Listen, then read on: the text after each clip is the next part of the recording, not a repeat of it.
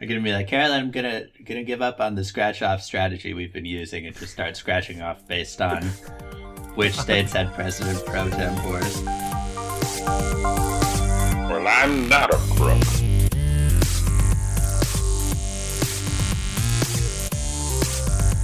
But because they are hard. Welcome to Presidential Deathmatch, the only presidential debates that matter. On today's program, a special message for our listeners in Scranton, Ohio. Sounds unfit for our audience, as well as introducing Mr. Tariff. Dennis and I do a debate over which president would fare best in quarantine, and for that, we use a Cleveland Harrison style debate because it's all fun until somebody dies. All that and more on today's Presidential Deathmatch.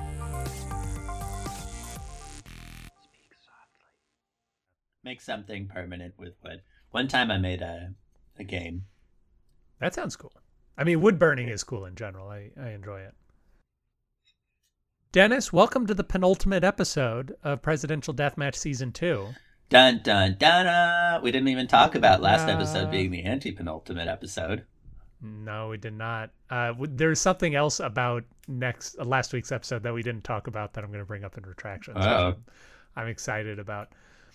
But uh, but we will be ending season two next week with a celebration slash examination of Joe Biden and his first 100 days in office. Mhm.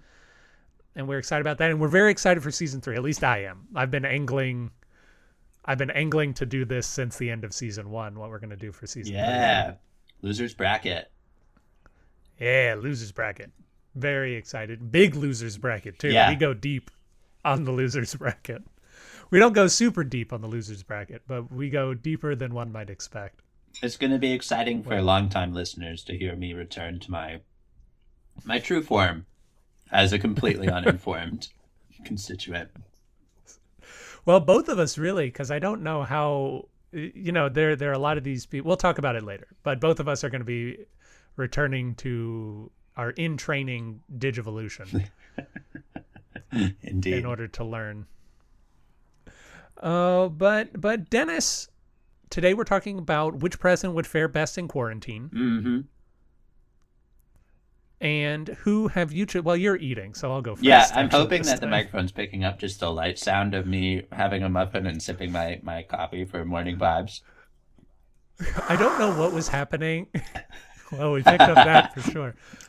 I don't know. Uh, a few weeks ago, when we had Jake on for window washing, and you were at your parents' place, your microphone was picking up everything in that house. I ended up not using any of your. oh, audio. really? I didn't know that. Yeah, because I I could hear sinks in the background, and there were doors opening and closing all the time. It was it was very sensitive. The window. Yeah, it's because it's just my computer, I guess. Yeah. But today, uh, for best president faring in quarantine, I have chosen James Knox Polk. James K. Polk was Oh. our 10th, uh, 11th president, our 11th president of the United States. Good, healthy prime number. I always like a prime number. He pledged to serve one term. He did serve one term, and then he died soon after. He was known uh, for in in uh, in the decades following his death because I think he was the last Southern, he was the second to last Southern president before the Civil War. So there was him, and then there was Zachary Taylor, and then the next Southern president was Lyndon Johnson. Whoa. It th there was a very large span of time because uh, we we didn't trust the the rebels. But there was a myth that was brought up about him after his presidency that he had promised to do four things in office. He did those four things in office, and he also started and ended a war for good measure. Those four things being reestablish the independent treasury, lower tariffs, settle the Oregon Territory with Britain, and I've forgotten the fourth one strictly speaking, that isn't true. Those are four things that he did while in office. Oh, annex Texas and annex Ah. Texas, which he did. Those are things that he did while in office, but they aren't. When you go back and look at the contemporary record, they are not things that he he promised to do. These are th this was just something people said after the fact to make him seem better. Although he was a very effective leader at getting his will done. It is unclear whether or not those things were ultimately good for the country. Mhm. And a lot of people consider him as the first president that really set us on a path towards the Civil War. Interesting. Yeah, is that Andrew Jackson knocked us off course with the nullification crisis. South Carolina tried to say we can ignore federal laws, and Andrew Jackson said, "Nah," Mhm. and he and he smacked them away. And Polk knocks us off course. But well, he knocks us back on course. It's, Knox as if blocks. it was his middle name. You are so good. Yeah, you're so good with the James K. Polk puns. Oh yeah, the po- polka. the the Kennedy dot. Oh yeah, Kennedy dot. dots. Uh, interesting. Uh, James K. Polk is the only James K. Polk is the only president to have served as Speaker of the House, which means that uh, if we consider the Speaker of the House to be the head of the legislative branch of the United States, he is one of two presidents to have served as the head of two different f- parts of our federal government. The other, of course, being William, William Taft Howard Taft. as Chief Justice. Uh, James Polk is an interesting guy. Also served as governor of Tennessee. I, I don't. I'm going to say more about him later, though. My man's also a governor, Governor. um, and he is the only president to serve in the esteemed position of uh, head of the Old Hat Party, Oh, Mr. William McKinley. William H. McKinley. William McKinley. I, I just double checked if if he had a middle name because I could feel that we both wanted him to, and I don't see one. William McKinley, um, Jr. So there you go. Um, he is an Ohio man through and through. He was our 25th president. He was governor of Ohio before that. He was president from 1897 to 1901. He had just started his second term when he was assassinated, one of our four presidents to be assassinated. And he was, yeah, it really wasn't too far from Garfield's assassination. And they were both uh, Republican presidents from similar time. They knew each other, they were friends, though they had their differences. Um, so it's interesting to think uh, about the context of that time and how it's kind of weird that that happened. But it was the end of the Gilded Age or the beginning of the Progressive Era, McKinley's presidency, as some would say. He, and Mhm. so then Teddy Roosevelt took over after he was assassinated. They went and uh, found him in a cabin in the Adirondacks. It took them many days to alert Teddy Roosevelt that he was now president. Um, but that's really, you know, when we think of that era, we think of TR. Um, but really, McKinley deserves a lot of that, uh, a lot of that credit as well. He, the Civil War had caused there to be quite a political deadlock. There was Republican, Republican, Republican, and then Grover Cleveland um, was had his presidency and then even lost re-election, but then was president again. And so there was just a lot of political weirdness. And then um, that was true too for McKinley's election with uh, the Pop- People's Party, not to be confused with our People's Party, um, but the populists of that time, um, which definitely has some familiar feel to it. Um, very much uh, a farmers' party and, a, and an anti-city party um, from the day uh, behind William Jennings Bryan, who was really good at media stuff and um, good at rallying those people up around the idea of free silver, which would have made um, silver a way to back currency in addition to gold.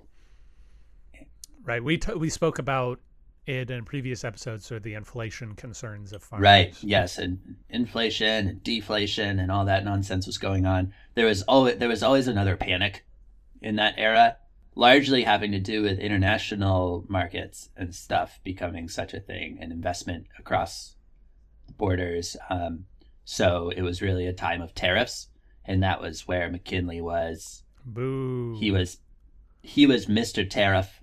Northeast Ohio, big steel, and Western Pennsylvania, big steel area, and that's kind of where he, him and his wife, both their families, were that.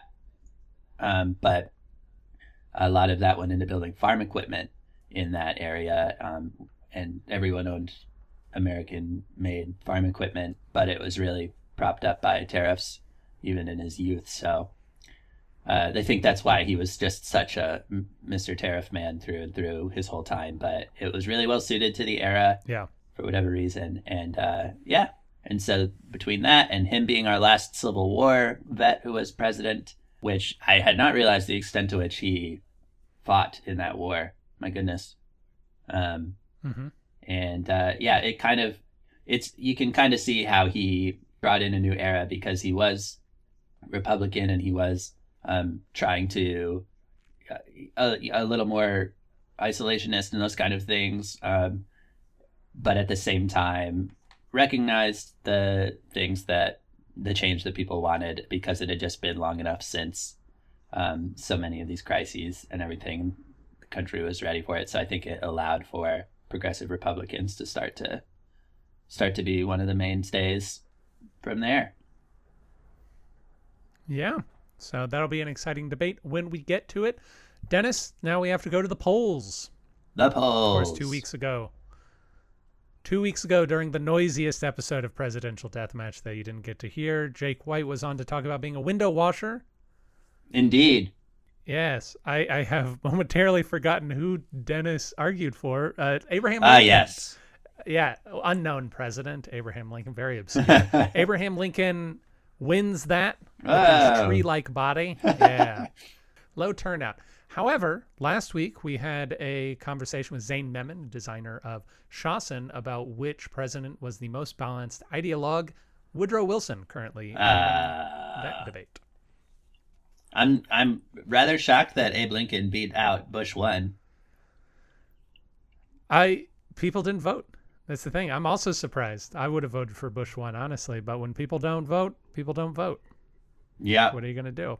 Also, don't feel the need to vote in the Shawson election. Woodrow Wilson's already winning. I think we all understand who who deserves it right now.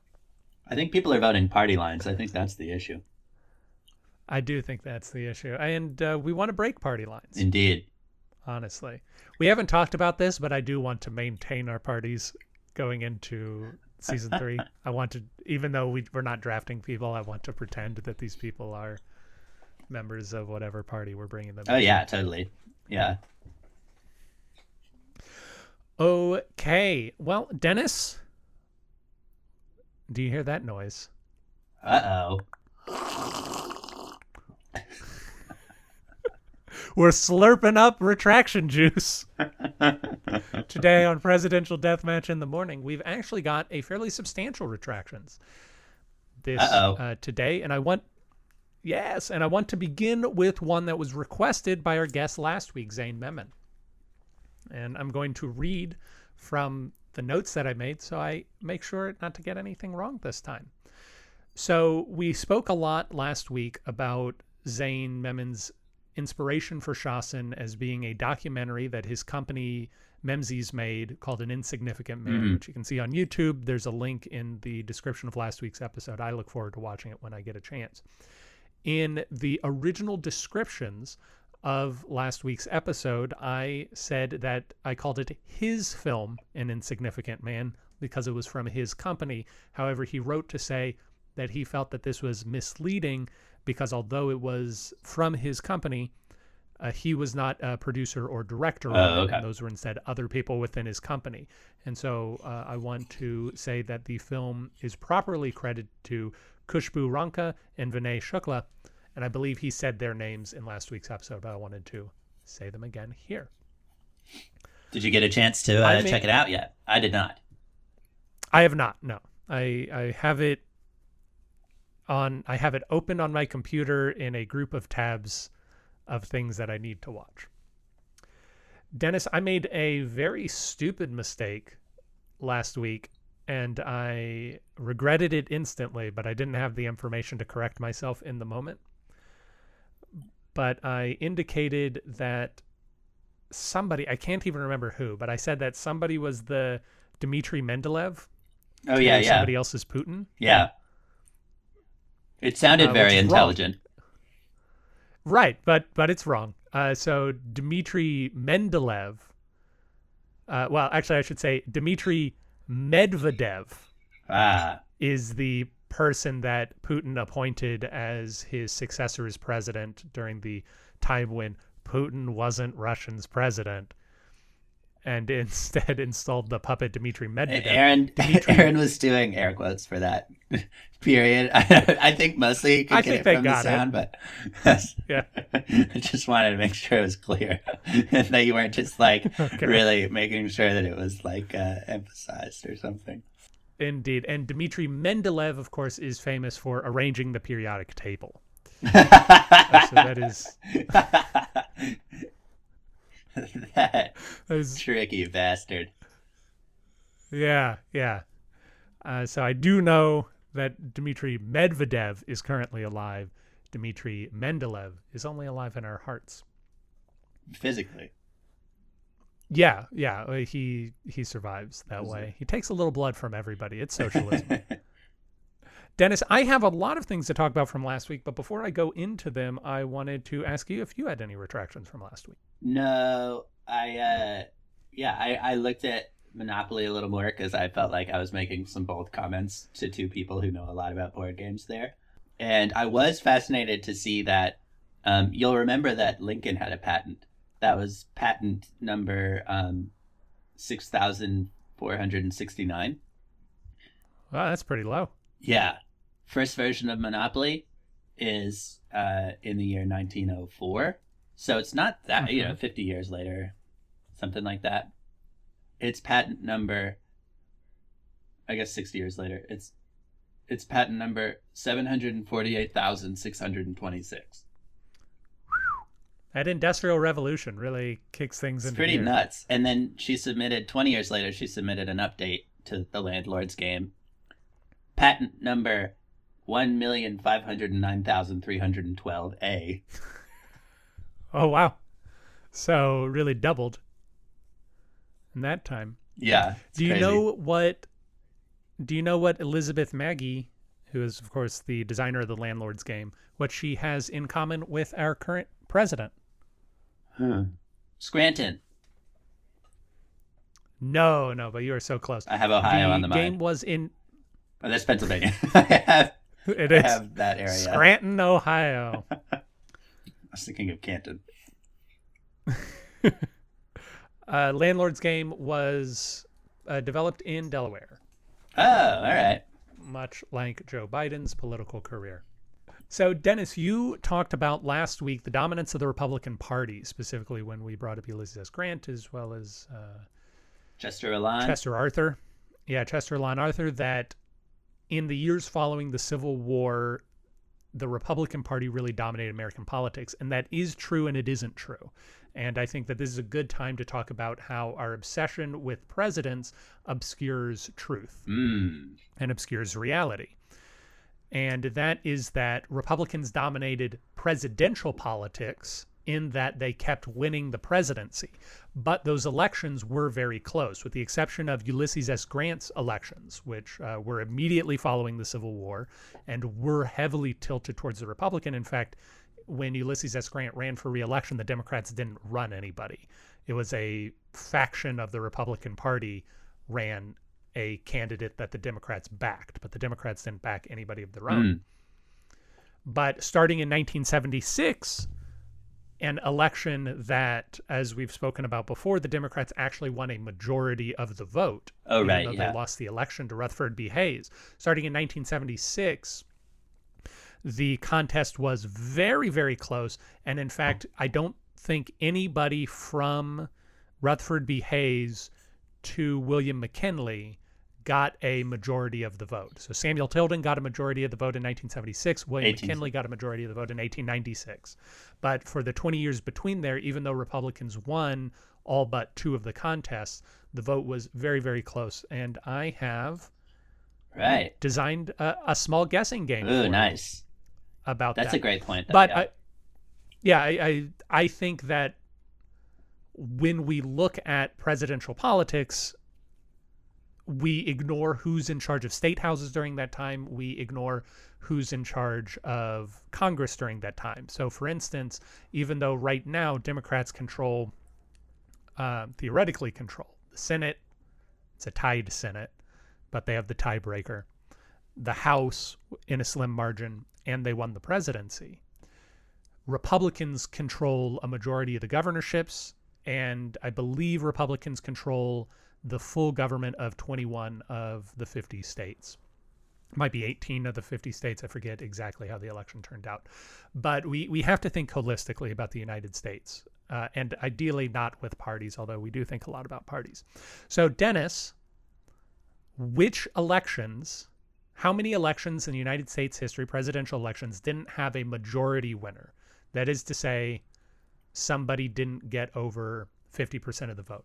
And I remember uh, why I'm bringing this up now. I believe I said in my argument with Woodrow Wilson that he won the presidency with the lowest share of the popular vote of anybody else, with the possible exception of John Quincy Adams. It is true that John Quincy Adams has the lowest share of the popular vote, but there is a president who won the presidency with a lower share of the popular vote than Woodrow Wilson, and we're going to discover who that is as we play this game. No majorities. I'm going to guess 11. 11. Uh, I will, before you lock that guess in, I'm going to tell you that there have been 59 presidential elections. I was going to guess 60. So I was pretty close. Well done. You are pretty close. So you're saying 11 of 59, Mm, which is about 20%. that does seem It's high. a little less than. It does, doesn't it? I lost you for a second. but are you sticking with 11? Did you- Oh, I just said it does, doesn't it? I was just continuing the conversation. maybe. Uh, Broadcaster stuff. okay, maybe I'll go with. Because I still want it to be uh, higher than my like gut would say a little, so maybe I'll go with Okay. seven. Seven. hmm So now you're saying seven, which I don't have the proportion off the top of my head, but it, that's closer to 11%. Yeah, yeah. No, the answer is 19. Ah, I was fooled.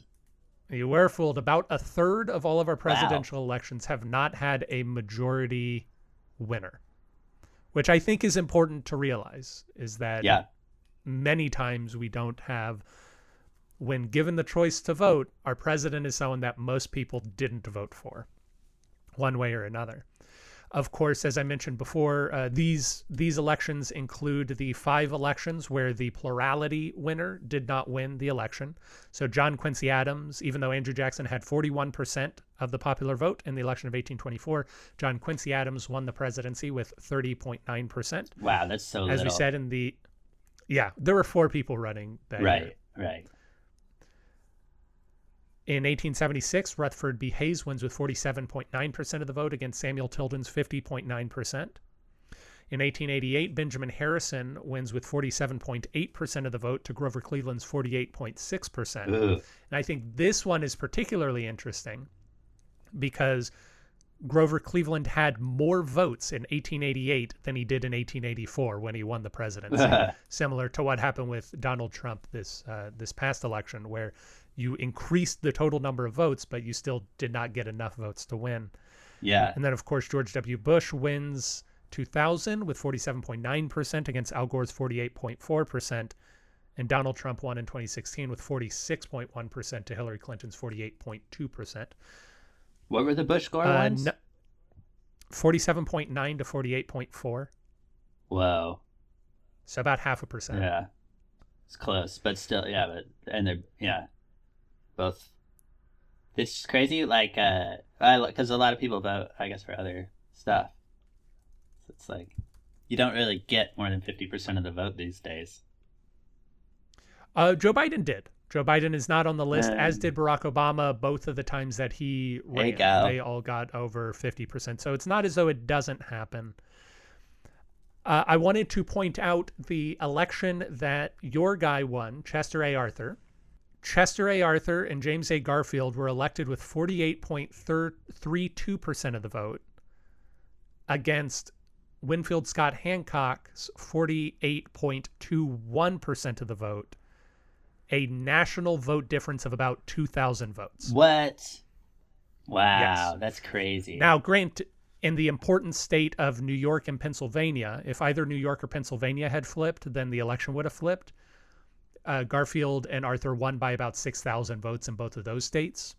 So they they weren't quite as close, but the national vote was uh uh less than 2,000 votes apart, just under 2,000 votes apart. Wow, that's nuts. My sense is that there was like I, I was mentioning earlier, I and I might be over attributing this, but that there's that you could kind of see a little bit of a mirror with how it, things look today um, at those in that era, like the second half of the 1800s, wh- where like if you were able to, if you had a map that showed cities, um, that like you would really see like that the cities are voting one way and others are voting another I way. don't I don't think that's true. I think it was states in that particular case. The southern states were very they were voting heavily democratic, the northern states were Mhm. voting heavily republican and then the western states were split. Mhm.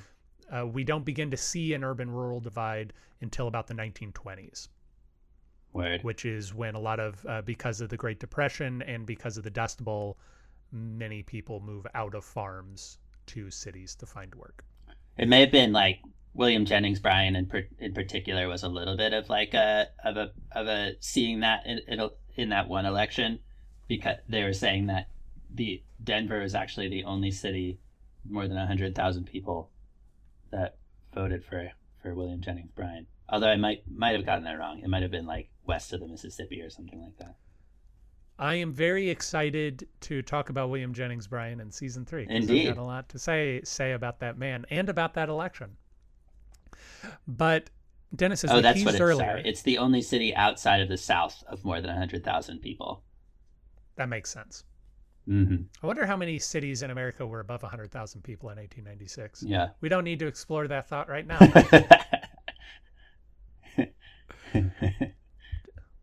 Dennis, in 1824, John Quincy Adams wins the presidency with 30.9% of the popular vote. He is the president who had the lowest popular vote share of any president. Woodrow Wilson wins the presidency in 1912 with 41.8% of the popular vote. He is the third lowest Ooh. popular vote percentage. Who falls between those two? I will give you a hint. It is a president that chronologically falls between those two. Okay. Between JQA and Woody Dubs. T T Dubs Dubs. Yeah. Man. How did Woodrow's end up so low? Was there a third party situation there? Theodore Oh, right. Roosevelt. There were actually right. four parties. So so give uh, give you another hint. Yeah, JQA in the election of 1824 uh, runs against William Crawford, Henry Clay, and Andrew Jackson. 1912, Woodrow Wilson runs against Teddy Roosevelt, William Taft, and Eugene V. Debs.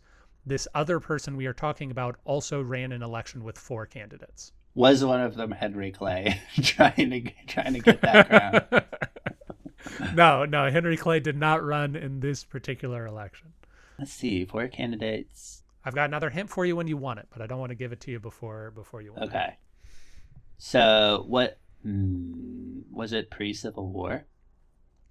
It was pre-Civil War. Okay.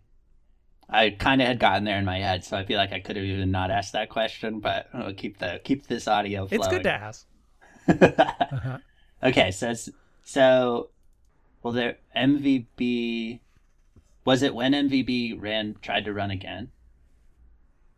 It was not when he tra tried to run again. That was, I believe, the election of 1848 with Zachary Taylor and Lewis Cass. Lewis Cass was the Democratic candidate. Martin Van Buren was the Free Soil candidate. Mm. Um, yeah, because he didn't get that much of the vote, I guess, that time. Um, I, no, not a lot. He got more than Millard Fillmore got, though, later, uh, a few years later. I could see it being like when John Tyler, like, um, tried to run after he took over because he took over from the assassination or from the death of Zachary Taylor, right? No, no, William Uh, Henry uh, Harrison. of William. Although Henry John Harrison. Tyler, John Tyler was convinced. John Tyler was convinced by Andrew Jackson to not run again, so that James K. Polk could be elected. So here, Uh. here is my other, here's my other clue, and you, you've gotten pretty far. So this clue may not help you. In 1824, the country was at a crossroads because we were fracturing out of the era of good feelings, and they were trying to decide that there was one party rule. Yeah. They were trying to figure out what way that party was going to go. In 1912, there was also a big fracturing event because uh, they didn't know which way the Republican Party was going to go. In this particular election, with four candidates, there is also a very big sectional crisis that is tearing a party apart, which leads that party to running two candidates. Is it just like Lincoln's election? That is correct. I can't believe I didn't guess that. I guess I thought pre Civil War and then was like not including him, which was stupid. yeah. Abraham Lincoln won his first election with 39.8% of the vote. Wow. Against some other dudes. Uh, yeah. John C. Breckinridge. And... I guess it's probably also one of those things where it's like, you're just like, well, Lincoln's great. So, so you don't even Yeah. think about it. Yeah, yeah, it's fine. It's fine. Though, So, This is one thing I was thinking about while I was researching this time is McKinley really is more anti-slavery than Lincoln, in, in it, which is interesting. yeah. Yeah. I think most people after 1876 are more anti-slavery Yeah. than most people before 1860 just uh, just in general. yeah, yeah, Like that's that's an overgeneralization, but for the most part, if you pick a random person, they're going to be more egalitarian. yeah, and that's something that's interesting to point out if you if you want to start poking fingers at modern political parties is that the current the Republican Party has a a reputation for being anti-homosexual, anti-gay, but the Republican Party is definitely more in favor of gay rights today than the Democrats were in 2008. Oh, and that's yeah, not yeah. that long ago. right. Like yeah, it's we, we have very selective memories when it comes to what we supported when. yeah, yeah. It's crazy. One Yeah. last thing before we end our retractions, we uh, we began this talk by talking about the dominance of the Republican Party. Dennis, I want to ask you, what do you think was responsible for ending the dominance of the Republican Party on a national level? So, uh, this is before the presidency started going to Democrats, but Congress flipped over to Democrats for the first time after the Civil War. After what happened? Um, well, this isn't, I think, what the answer is, but my first thing was going to just be that I think that it's a really interesting point that it's more the presidents than the government itself was Republican for so long. And I wonder if part of it is because people just really like to elect soldiers from big wars. And because, like, Yeah, McKinley, Rutherford B. Hayes, Ulysses S. Grant, like were they were all like war hero dudes, and it seems like it really took them to the top. And I think I think it's an interesting thing that's such a constant in all of American history. Um, yeah, but Yeah, for sure. They they we, we can like them without them having to say anything yeah, yeah. of substance. Oh, and James A. Garfield too. Yeah, Yeah. they all were. Yeah, it was really like well, and the stalwart thing that Chester A. Arthur was all about was basically the faction of the Republican Party that like wanted Civil War vets to to be in power. Yeah, I, well, so my actual guess I'll throw in is the Panic of 1856. 1856, that was before the Republicans won Oh any wait, sorry, presidencies. 18 something. There was a lot of panics. there were a lot of panics. It is not a panic, although it is a financial thing. In 1876 Ah, yes. or 1874, Ulysses S. Grant enacted something called the Salary Grab Act, which sounds very wrong. but it instituted a series of pay wage increases for the presidency, members of Congress, uh, Senate, et cetera, everyone in federal government. It gave them all raises and instituted new taxes to pay for those raises and made those raises retroactive. So Wow. that if you were a senator, you were uh, suddenly handed over a bunch of money as though your raise had happened six years ago. That's nuts. Yeah, and the American people did not like it. And so they immediately turned against the Republicans and voted in a majority Democratic House and Senate. And that also led Ohio to ratify what would become the 28th Amendment. Uh, but we're going to talk about amendments in a game sometime in season three, so I will save it until then. But Dennis, is your belly full of retractions? Yeah. Yay. Spit the spit the juice back out. It's uh, that was a disservice to our listeners. So we're not going to spend a lot of time on our main topic today, Dennis, because we we actually have a very large game, another large game, to to finish out some things before season two.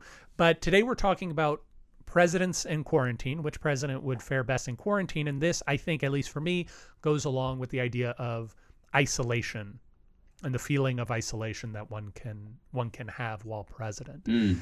because the presidency is a very lonely job in a lot of ways. Many presidents and families of presidents report feeling trapped inside of the White House. That's something we talked about at the Christmas party episode with Caroline and Jessica. Is how a lot of first first ladies felt trapped by the presidency. And it's something. Well, it. I'll bring that up later because it has to do with James K. Polk. But uh, from Barack Obama to Bill Clinton, Donald Trump, they all talk about you feel lonely because you are stuck in this house all day. You cannot go anywhere by yourself. Anytime you go somewhere, it's a big to do. And also, you're wrestling with a whole bunch of problems that you're not telling anybody, you can't tell anybody about. And you have to bear the decision, the weight of those decisions.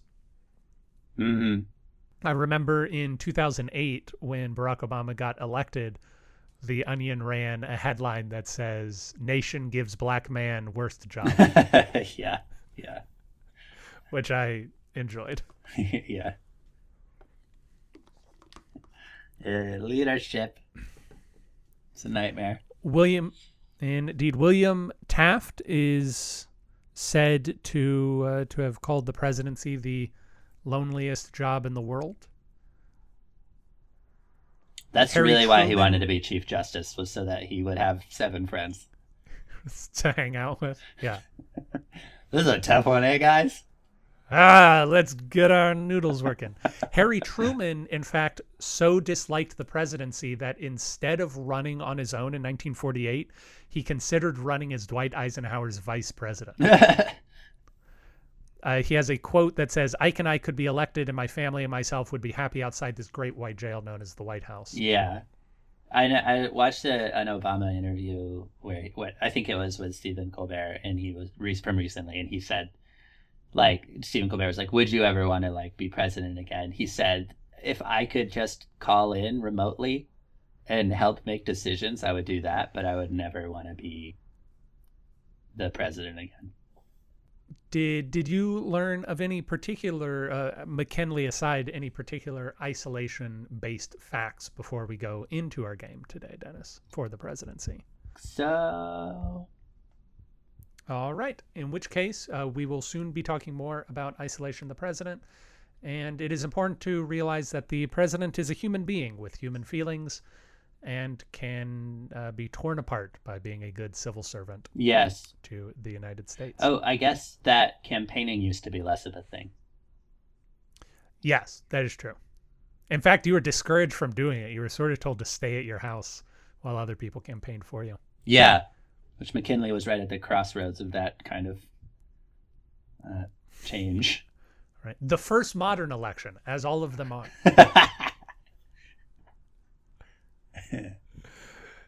Dennis, we have been playing for many months now, finding the highest rank in our federal government attained by each state. Yes? I'm ready. Now, we have three levels and only two episodes. Oh, shoot. I forgot to say the thing that I wanted to say in retractions. Hold on. Dennis, slurp again. Slurp quickly. So, in our grand tradition of not celebrating milestones when they happen, last week was our 50th episode. Oh, Yeah. So thank you. Thank you all to listening to us for 50 episodes. We really appreciate it. Regurgitate that retraction juice, Dennis. We need to get back to the game. Yeah. Thank you. so uh, we are ending season two next week, but we have three more levels of our game to do. So we are going to do two levels Uh, today, all right. which is why our game's going to be a little longer. So Dennis, do you remember which positions we've talked about so far in our game? President pro tempore, Yes. uh, Speaker of the House. No. that one's today. That one is today. Yeah. Um, Secretary of Treasury. Uh, no, no. Uh, we we skipped it because there were no viable entries. We would have, but there were no viable. Secretary entries. of Defense, or no, Secretary of Defense. Nope. Also, no viable entries. Uh, majority Leader. That is correct in the Senate. Is Secretary of State the other one today? No, we did that We one did Secretary with of State. yeah, we did Secretary of State With Jake. with Jake, I believe. Yeah, Window and then a, Attorney General and Secretary of the Interior ah, yes. were the other ones that we have done. Today we are going to be doing Chief Justice of the Supreme Court as well Oh. as Speaker of the House. So the first one we're going to do is Chief Justice. The Chief Justice is not in line of succession, but they uh, that that person is the head of one of our branches of government, and so I felt it was important to place them quite high. Yeah. So they are only behind Vice President and Speaker of the House because of the line of succession issue. Mhm. There have been two Chief Justices that are from places not covered by uh, the the three positions higher than them, because we've only had about seventeen in our history. When when we looked at Chief Justices, we we learned that there have been very few Chief Justices in American history Yeah, it's crazy. because they serve such long terms. Yeah. There's a couple that just So- cover like collectively cover like a hundred years between like three of them. Yeah. Yeah. And the first guy quit after two Yeah, or so. yeah. He quit almost immediately. He said, I hate this. Yeah. I'm gone. So, Dennis, Chief Justice. All right. Let's see. We've covered. So, uh, well, I thought we'd covered a lot of states, and last time I found out we still had like 28 states to go or something. Are we? Are we talking Midwest? We are not talking Midwest. All right. Seemed seemed like a legal kind of area, but apparently not. Have we hit Maine yet? We haven't hit Maine. No. Do you want to guess Maine? I'm gonna guess Maine. You're wrong. It is not. So it, Maine is higher on the list. Okay. Really? hmm Wow. Okay. Is is that kind of area like uh, the Northeast? Yes. Yes, it is. Okay. Yeah, because I, was- I was thinking like, because the historically considering, but we hit Rhode Island at long last. We did Secretary of State for four days in two different years. and then we found out was because have we hit Connecticut yet? We have not hit Connecticut. Would you like to guess Connecticut? I'll guess Connecticut. You are correct. Connecticut. Whoa. had a chief justice in Oliver Ellsworth from 1796 to 1800. Wow. Highest position gained by someone in Connecticut. I remember so learning about Ellsworth. Mm hmm. Yeah. Because Connecticut, right, yeah, yeah, yeah. The other thing I just read about Connecticut is that they owned Northeast Ohio for the longest time. Yeah, It's very yeah, odd. They did in much the same way that Massachusetts un- owned most of Maine for a while.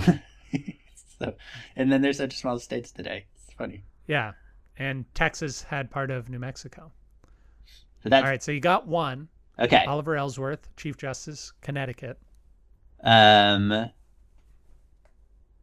maybe like Utah or like something crazy like that for the other one.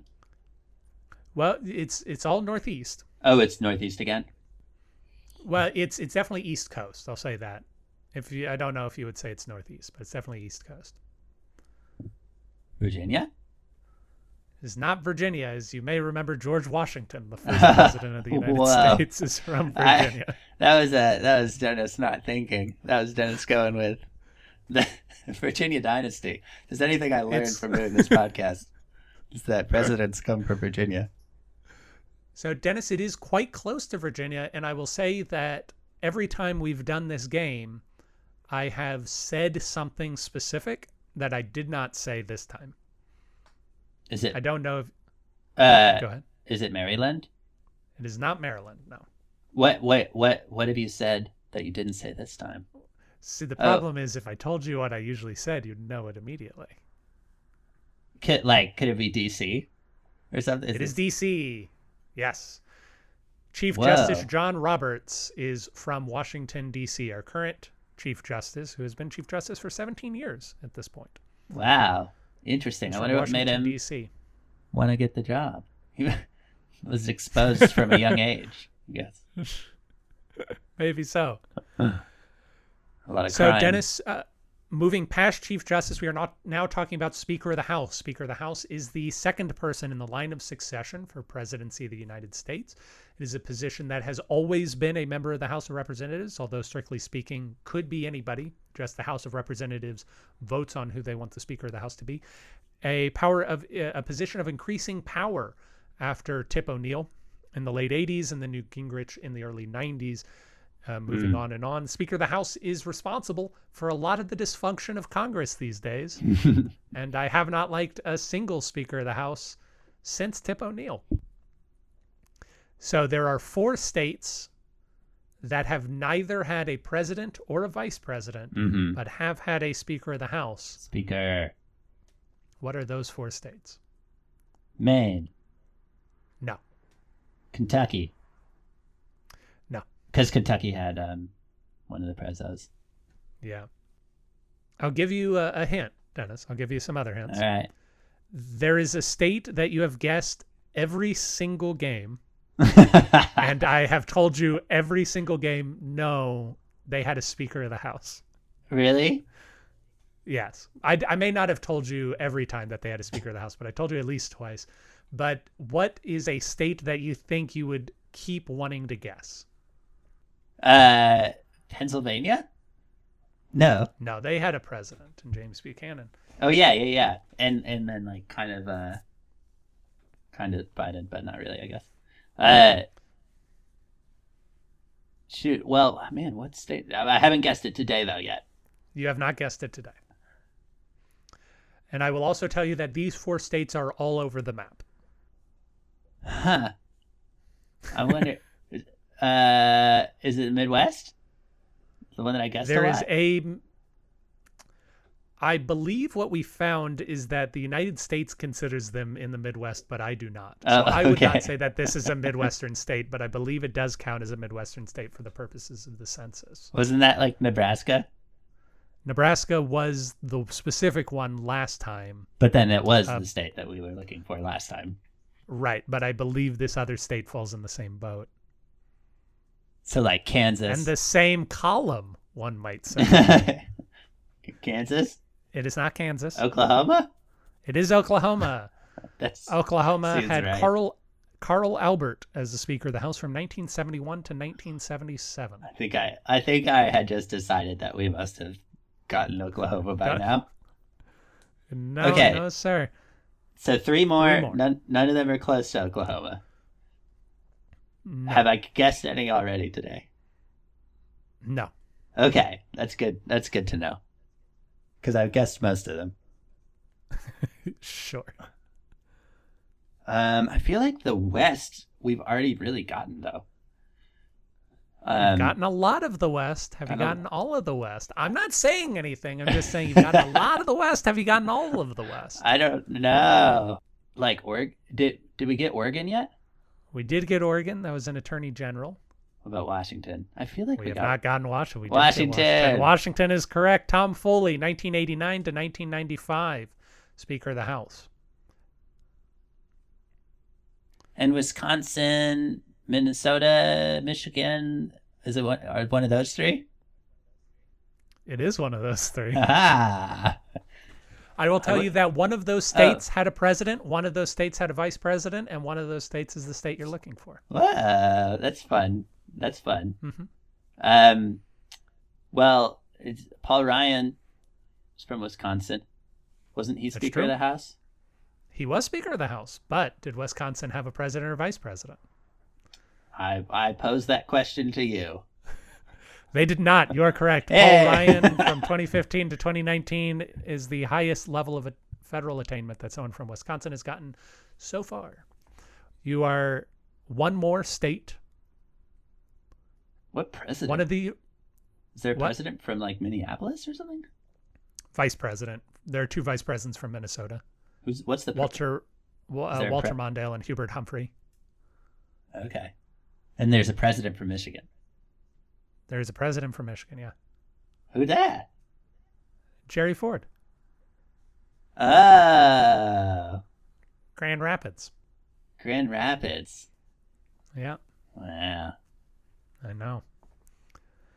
Okay, so All right. so one more. One more. Moving the chain. One of the original 13. Whoa! Yeah, And I didn't guess it yet today. You have not. No, not quite as underachieving as Rhode Island. It's got to be New Hampshire then. New Hampshire had a president. Oh. Oh yeah. Um, Pierce. Mm-hmm. I'm Huh. gonna see if I can pull up some famous people from this state. Oh, those go pretty far south. So we got maybe north. Michael South Jordan Carolina. is from this state. No, it is not South Carolina. North Carolina. You are correct. Georgia. It is North, Ah, Car- North Car- no, North Carolina. North Carolina had Nathaniel Macon. Dennis, what year did Nathaniel Macon serve as Speaker of the House? He actually had six years as Speaker of the House, but How do you spell Macon? M A C O N. Okay. Sounds French. Yeah. So I bet he came over. Spit the Macons maybe came over during the Gilded Age. He was, You said he All was right. six years. Six years a Speaker, yes. Was it during the seventies? No, it was not during the 70s. Am I warm? Nope. uh, Macon. Hmm. Was it in the? Was it in like the nineteenth century? Am I? That, is that why I'm super hot? Yes, yes. It is it is in the same vein as Connecticut's highest person serving from 1796, or Rhode Island's highest serving person being from the early 1800s. Nathaniel Macon served from 1801 to 1807. North Carolinians North Carolinians haven't reached Oh man. quite high since then. Wow, that's crazy. Fair to be so Yeah. long. At, yeah, Macon. Okay, and that was Speaker of the House for Mhm. uh, Andrew Jackson. No, no, it was earlier. No, that. that'd be Jefferson, and Madison. and No, gerrymander. just Jefferson. Yeah. Yeah, an Elbridge old Gerry. gerrymander. So, Dennis, next week we're going to finish our game by guessing the seven states. I think it's seven, it might be eight states that have had a vice president but not a president. Whoa. Until then, we are going to take a break. And when we come back, we're going to be doing a debate. Speak softly. And we're back. Nothing happened while we were gone. we sat in silence. till it was ready to talk to you fine folks again.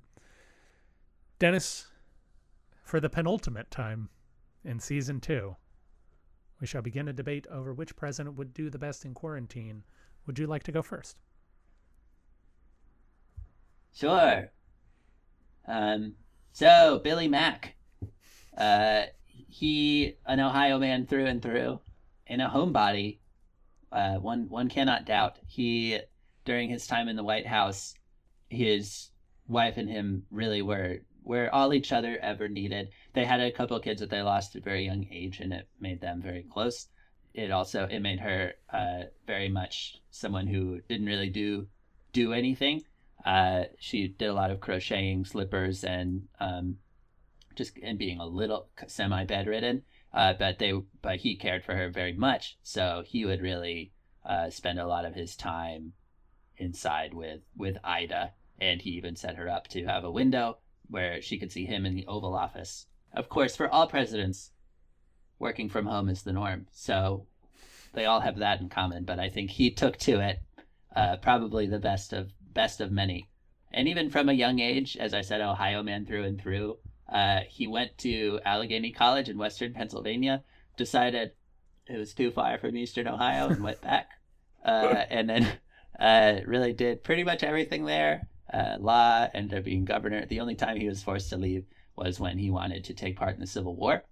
He got positioned in West Virginia, and then was just in West Virginia fighting any battles that came through West Virginia. And then he went back to Ohio as soon as the war ended. And of course, you have to mention his front porch campaign, uh, where while his in the yes, his presidential election, William Jennings Bryan traveled the country more aggressively than anyone had ever done.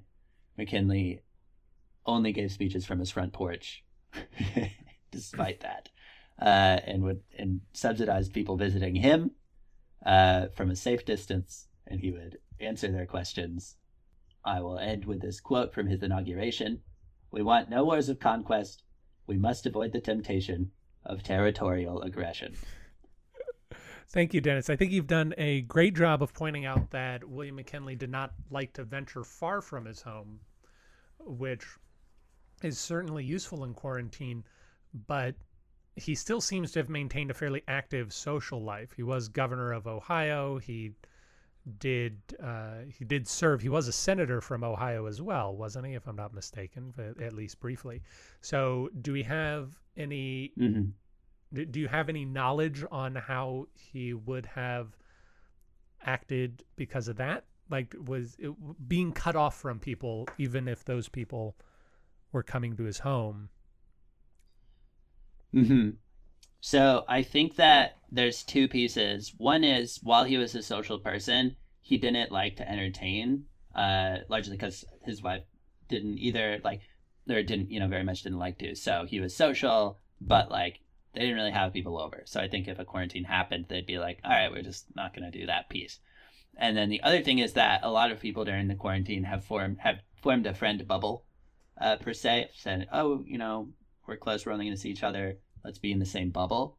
Uh, and I think he would be someone who would potentially do that because some of his friends, like you're saying, uh, that he spent time with, examples being Mark Hanna, who really helped him win the election, and his secretary, George Cortelyou, who was also his press secretary and chief of staff.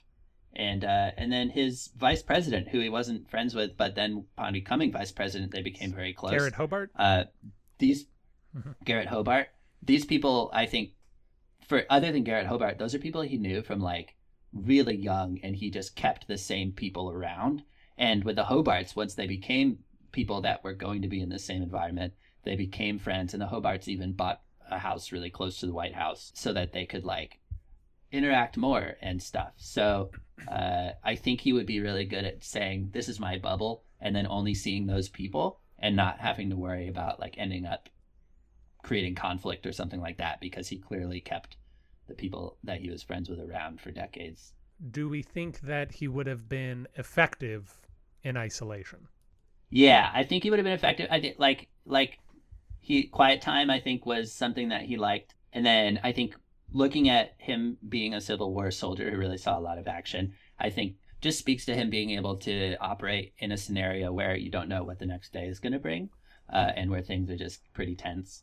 Um, then also, like home improvement, I think is something that got a lot of people through the quarantine. And if we look at his presidency, he uh, Hawaii, Guam, Puerto Rico all became part of the U.S. during his presidency uh, as part of a as as a part of really just a, a and yeah, it was making sure that that things were were neat and clean in uh in our mm-hmm. realm, mm-hmm. you know, and that we weren't going to have to worry about people uh, breaking right. in yeah. uh, or or like about disputes over over territory where multiple people were laying claim. Yeah. Um, but he also didn't go over. He didn't get out of control with trying to get into new places or anything um, very much did not want to annex Cuba during this war with Spain, um, and so we did not. And he and we did end up uh, acquiring the Philippines, but uh, I think those are the questions I have for Billy Mack, as you called him. Is there anything you want to say uh, before we move on to Noxie P? Noxie P. Uh, I, I would just end with saying that he also I don't think he loved to travel. He had a bad relationship with travel. His his tour that he was doing around the country at the end for political reasons, they postponed multiple times for Ida's health. And then when they finally did it, shot. he got shot. So I don't think he would I don't think he's that eager to get out there. Fair enough. Well, I am going to talk about James K. Polk, and uh, this is a topic that Dennis and I have had on the docket since the very beginning of Presidential Deathmatch, and ever since we set forth that we might want to do a quarantine episode, I knew I wanted to talk about Polk in that because James K. Polk was a very solitary, insular guy. He was dour. He reportedly had no hobbies apart from politics. He did not like having people over to his house, and he barely liked talking to his wife. He really enjoyed working on politics and solving the sort of puzzling problems that you could do back in an era when presidents or really any politician didn't have to have an overabundance of charisma in order to get their job done. What they had to do was have a solid legislative mind and be able to persuade people towards it. So the crux of my argument is that James K. Polk uh, probably wouldn't notice that there was a quarantine happening because he would just be in the White House working like he always did. He is known to have a few quotes, such as No president who performs his duty faithfully and conscientiously can have any leisure. And he would only be out of the White House for a total of six weeks during his four year term in office. If you compare that to any recent president, with the possible exception of Biden, that is a very low number. I believe both Trump, I say both, but I believe Trump, Obama, Clinton, and Bush all had uh, six weeks out of the White House by the end of their first year in office. Now, granted, that's not all vacation, but Polk did not leave the White House. Polk also said, I prefer to supervise the whole operations of the government myself rather than entrust the public business to subordinates, and this makes my duties very great. Uh, overall, Polk is a guy who wanted to be president, and that's all he wanted, and that's all he did, and he did not care for anything else, and he died soon after leaving. yeah, right. Like the soonest, right? Yeah, three months. Although McKinley's got to beat. sure. McKinley uh, died for this job. Yes. Uh, so he, oh, I see that both him and McKinley were chair of the Ways and Means Committee. Yeah, classic committee. Classic. Millie Finelli uh, as well. Yes. So he was a he a big Jacksonian fellow. Yeah, huge. He Jackson. became Jackson's disciple. Uh huh. Uncle Andrew. And he was so, called Young Hickory. So Andrew Jackson strikes me as someone who would be a uh, uh, super spreader. Yeah, for sure. Mister, let's so throw we... a giant cheese party in the White House. Yeah. yeah. So do, do, we do we worry that he would uh, he would ingratiate himself to Polk's presence uh, without asking permission, and thus spread his uh, disease-ridden fervor. No, and I think that's because he was dead. Ah. uh, he was he was dead at the time that Polk was president, so I, I don't believe that would be too big of a concern. But uh, even more than that, I think that if if there was a sickness going around, Polk would lean real hard on it to make sure nobody came to talk to him. Even uh -huh. even his buddy Andrew Jackson. So uh, the elephant in the room with with Polk it would be the Texas annexation. Uh huh. That's a whole lot of more people that you're now taking a border away from. Sure, although you're personally very far away from them. Also, Texas population at that time is is much smaller than it was uh, than it is today. I'm going to look up what Texas population was in 1845. About 125,000 people. Whoa. Yeah, so 125,000 registered people? Like is that including native population? I I don't know. Hold on. It a census. So it does include slaves. Does include slaves that were in Texas at the time, but I don't know if it counts indigenous people. But I guess the larger question is: uh, Is there concern that his because oh. that was like why he got why he ended up being Jackson's disciple, right? Because he was the guy who was pro Texas annexation when Van Buren wasn't, and others. Well, that's why he got Jackson's endorsement at right. the convention. Yes, but I believe he was. They're both from Tennessee. He was governor as well uh, like Jackson was. So I think that the Jackson connections go back further than that. But the uh, that mentality of wanting to invite people into your home. I don't, I don't think it's there. My position is that he doesn't want to invite people into his home. If you want to try and introduce evidence that suggests that I'm wrong, you can. But I, I my position is that he doesn't want to see anybody, uh, regardless of whether he likes Jackson's principles. Because again, this is a time when charisma isn't as important as legislation to to being president or to being a politician. It is still important. And Jackson made that known. That's how Jackson got elected. But uh, but it's not it's not as though Polk is in Jackson's entourage. Uh huh. Any uh, any diseases in his personal life? Cholera. That's what he died from. cholera. Yeah. Ah, it's a bad time for cholera. I will say uh, there is another example just to really hammer home how introverted James Polk is. There was one time that his friend said, Hey, you're coming out to New York. Do you want to stay with me? And James Polk said, I'll stay in a hotel. It's fine. Come visit you. I'll just stay in a hotel. I I want a private room. Wow. Yeah. Awesome. And if he could go back, I suppose he he would be more careful about trying to trying to not catch cholera. Maybe, maybe he was done. Yeah. It's it's Yeah. entirely possible. Eh, I don't know. Uh, he apparently was in fairly good health up until the cholera, though. Mm. But as we learned in uh, the emerging contaminants episode, cholera comes for a lot of presidents. Yes, indeed. Dennis, we need to talk about our People's Party candidate. All right. Fresh face to presidential Ah. death match. Random.org slash list tells us Joe Biden is our guy. R. Biden Joseph Robinette Biden, also a junior. Jr. Yeah, He uh a little preview for next week. indeed. Joseph R. Biden, welcome. So, Joe Biden, do we think Joe Biden survives well in quarantine? Now, strictly speaking, we know that he kind of does because he did. yeah. he he His mask etiquette seems pretty pretty good. I'm I'm sure he practiced Yeah. it. he likes to hang out in his basement and shoot comedy sketches with Keegan Michael Key. That's something we learned. uh, he's also from a very small state, though, and those are the sort of states where you get to know everybody. Right. He likes he riding on trains. Notorious for getting to know everybody. Yes, he is. He likes getting real close. He likes hanging out And on he- trains. He calls people a lot, but I guess that's good. yeah, calling people as opposed to showing up at their house.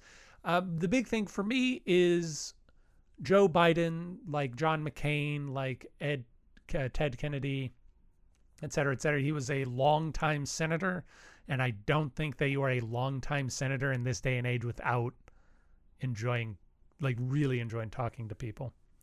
Mm. Was Polk not? Polk was not. No, Polk was a Polk was a representative and a governor, Speaker of the House, but again, it's a different time. Mm-hmm. Mm-hmm. Uh, so so Biden Biden I, I'd say is maybe replacement level quarantine. We know he can handle it more than Yeah. say I think George W. Bush would go crazy, for instance, in Yeah. quarantine. Bill Yeah. Clinton I think would go crazy in quarantine. We know And- Donald Trump went crazy in quarantine. Yeah. Yeah. Yeah. yeah. Yeah. Obama seems fine. He's got his. Uh, yeah, I don't know. I, I think he's all right. But uh, I Uh, Biden Biden I think is is an all right candidate, but he's not where I'd put my money. Yeah, I think, and I think the final thing for Biden that I would put on his side is that he's the oldest man to ever live, and so at that True. point, you're, you're, you're just, you're probably mostly reading in your free time. Yeah, yeah, or thinking about your grandkids. Yeah, FaceTiming. Yeah. Well, the great victory of the pandemic, and not having weddings. And and, and really cool podcasts. Yeah, for sure. The really cool Kicking off. podcasts really, uh, really are the benefit to everybody. You know what? I think I think this statement about Dennis and I can get behind. We'd do COVID eight more times if it gave us another presidential death match. Endorsed by Dennis Buddy and Aaron Garrett, but mostly Dennis Buddy. That I should have. I know we should end the episode now, but I, I should have uh, stated more clearly that McKinley would have had the best Corona pod of our candidates today. Of our candidates, probably, because I think FDR might have had the best one. That's fair. Fireside chats, podcasts. Yeah, or Him, him Lyndon Johnson. If you could get Lyndon Johnson on a mic, Lyndon Johnson might be super cool too. I I- feel like him and. FDR would have a good, like FDR would be like reading like State of the Union type things, and then LBJ would just do like reaction, you know, like live reactions. Yeah, but still very cogent live reactions, but with very Yeah. strange metaphors attached to them. Yeah, yeah. Whoever you want to vote for, you can find the link in the description of the podcast below. Thank you for listening, Presidential Deathmatch. And next week, we are going to do our season two finale, celebrating a year of doing this podcast, as well as Joe Biden's first 100 days in office, and Joe Biden himself as a candidate on Presidential Deathmatch. Joining, uh, join us then, won't you? Oh, man, terrible, terrible, Dennis.